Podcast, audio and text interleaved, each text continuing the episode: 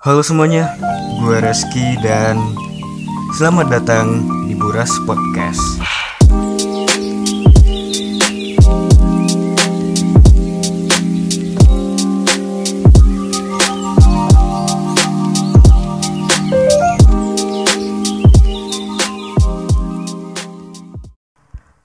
Podcast ini enaknya didengar pada saat pagi-pagi lagi nyantai Atau pas lu lagi sarapan, lagi nyuci Lagi apa tuh namanya? Main-mainin kucing Kan biasa ada kan ya kalau tiap pagi eh, Kucing depan rumah dateng Entah, entah dari mana lah pokoknya Kadang kalau pagi-pagi Ada yang dateng gitu depan rumah kucing Kadang aku suka main-mainin juga sih atau pas lu lagi insomnia. Pas lu lagi banyak pikiran di malam hari sehingga lu susah banget buat tidur. Kenapa sih jadi orang susah banget? Gak usah dipikirin apa. buat ngalin pikiran sejenak lu bisa dengerin podcast ini. Barangkali lu tahu-tahu bisa ketiduran. Yang pastinya bakal nemenin kamu tanpa harus menonton videonya. Silakan pasang earphone kamu atau naikkan volume perangkat agar kamu dapat menikmati podcast ini. Episode pertama ini dibawakan di bulan November pekan ketiga, tepatnya pada tanggal 17, yang di mana gue akan membahas tentang ketidakbermaknaan hidup. Ya, satu judul yang terkesan pesimis. Tapi dari pembahasan ini gue bakal ngajak lu membuka pikiran sejenak akan perspektif yang bakal gue bahas nanti. Terkadang terbesit di pikiran kita bahwa kok hidup ini nggak adil sih. Kenapa masalah ada aja gitu yang datang. Ada aja gitu yang muncul. Gak ada habis-habisnya tuh masalah. Bahkan nggak sedikit masalah ini udah ngeganggu keseharian kita. Pernah nggak sih lo mikir kayak gitu?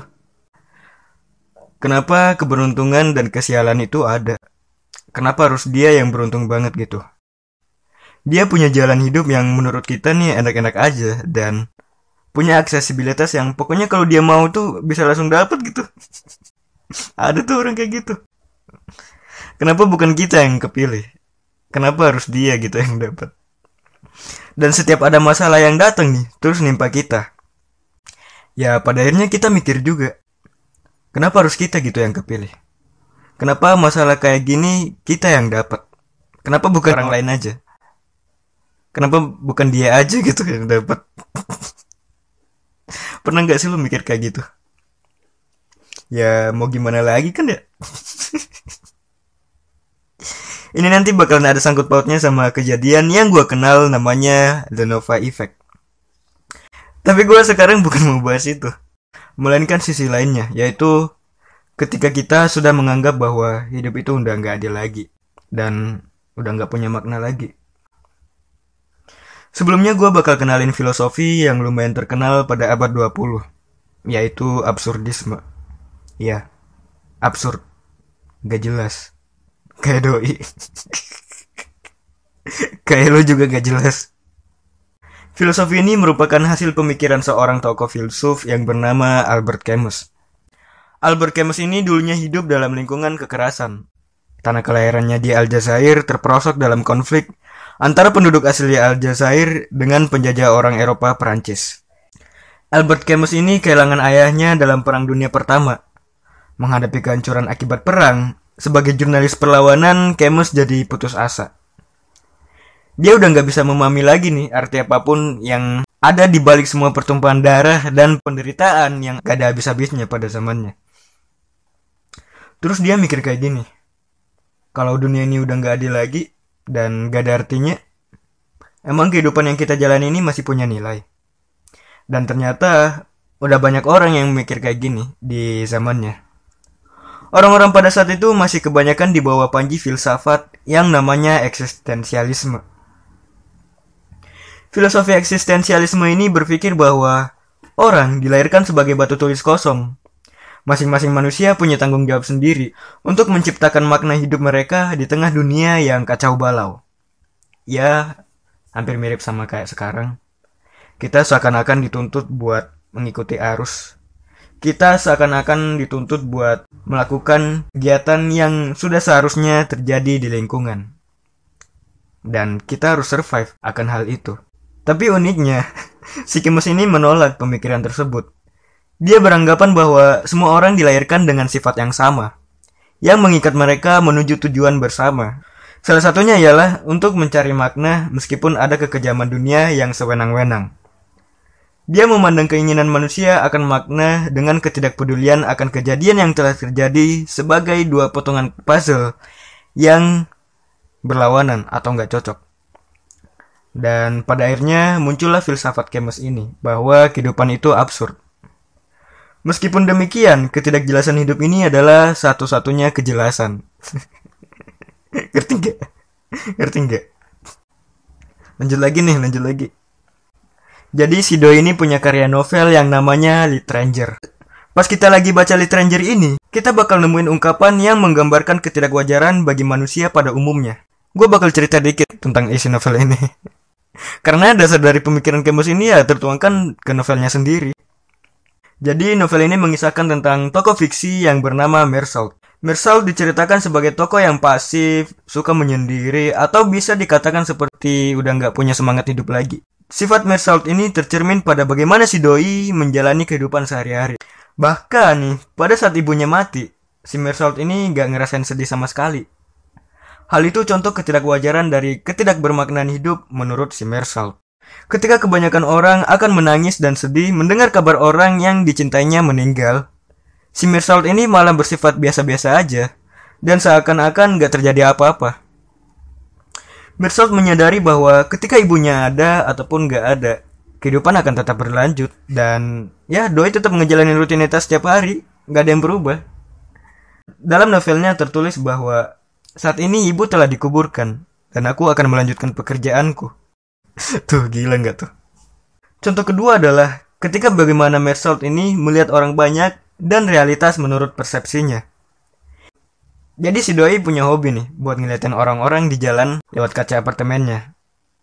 Mersault memandangi mereka terus beranggapan bahwa lingkungan di jalan adalah pemain teater dalam suatu pertunjukan. Dan ya, itu pertunjukan bagi si Doi. Mersault ngamatin semuanya, mulai dari orang, binatang, kendaraan, gedung, bahkan nih suasana dan waktu diamatin sama si Doi. Mersault memposisikan dirinya sebagai orang asing di sana.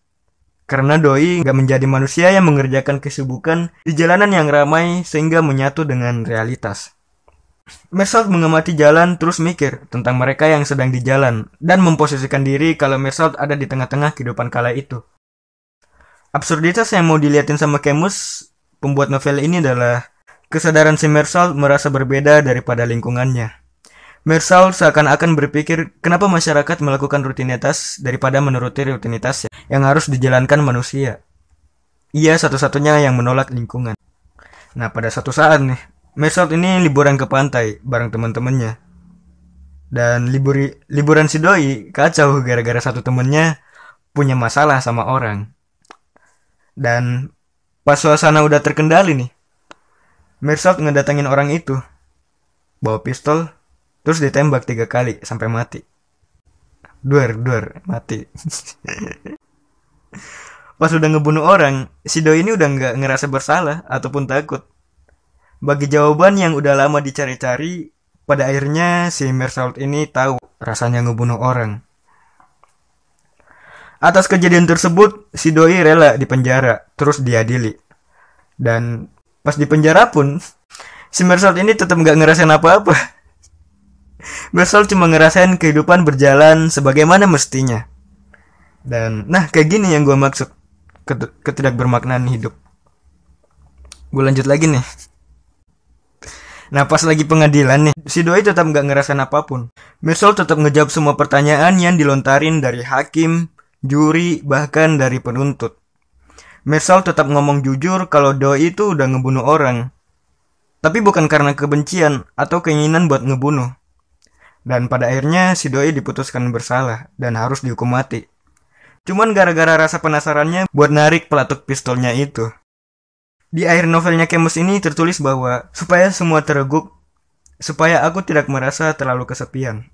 Aku hanya mengharapkan agar banyak penonton datang pada hari pelaksanaan hukuman matiku dan agar mereka menyambutku dengan meneriakan cercaan-cercaan. Kisah si Mersalt ini terkesan memilukan. Si Doi ini ya sejatinya cuma seorang pemuda yang melawan kebiasaan masyarakat. Menjadi asing karena Doi udah tahu tidak bermakna hidup ini. Mersalt memandang kalau kehidupan itu sebuah jalan panjang yang harus ditempuh. Sedangkan fenomena yang terjadi di kehidupan cuma tempat persinggahan doang. Kayak pom bensin buat ngelanjutin perjalanan panjang itu. Gak ada tuh yang namanya pencapaian yang harus dibangga-banggain. Camus ini nerangin kalau si Mersalt itu lebih memilih menjadi manusia nyata, sesuai kehendaknya sendiri. Doi berkata sesuai keinginannya sendiri, gak jadi palsu di masyarakat, dan gak ngebohongin perasaannya sendiri. Tapi dari sifatnya ini, si Mersalt malah diasingkan di masyarakat. Si Mersalt ini ngajarin bahwa nampaknya kehidupan itu ya akan tetap berjalan, ada ataupun gak adanya suatu fenomena. Gak perlu menganggap kalau suatu fenomena hebat, ketika perjalanan masih panjang. Mersal tetap berjalan pada jalan panjangnya tanpa suatu perasaan apa pun. Mungkin ada beberapa dari yang gue sampein kesannya pesimis lah. Gak punya semangat hidup lah. Tapi dari filosofi ini sebenarnya bisa-bisa aja buat diterapin. Menurut gue nih, filosofi ini tuh memperlihatkan kita bahwa ya kita hidup di masa sekarang perkara buat apa yang bakal terjadi di masa lalu ataupun masa depan ya mau sampai kapan tetap absurd bagi kehidupan lu. Dalam filosofi ini ngejelasin kalau suatu fenomena itu cuman ilusi.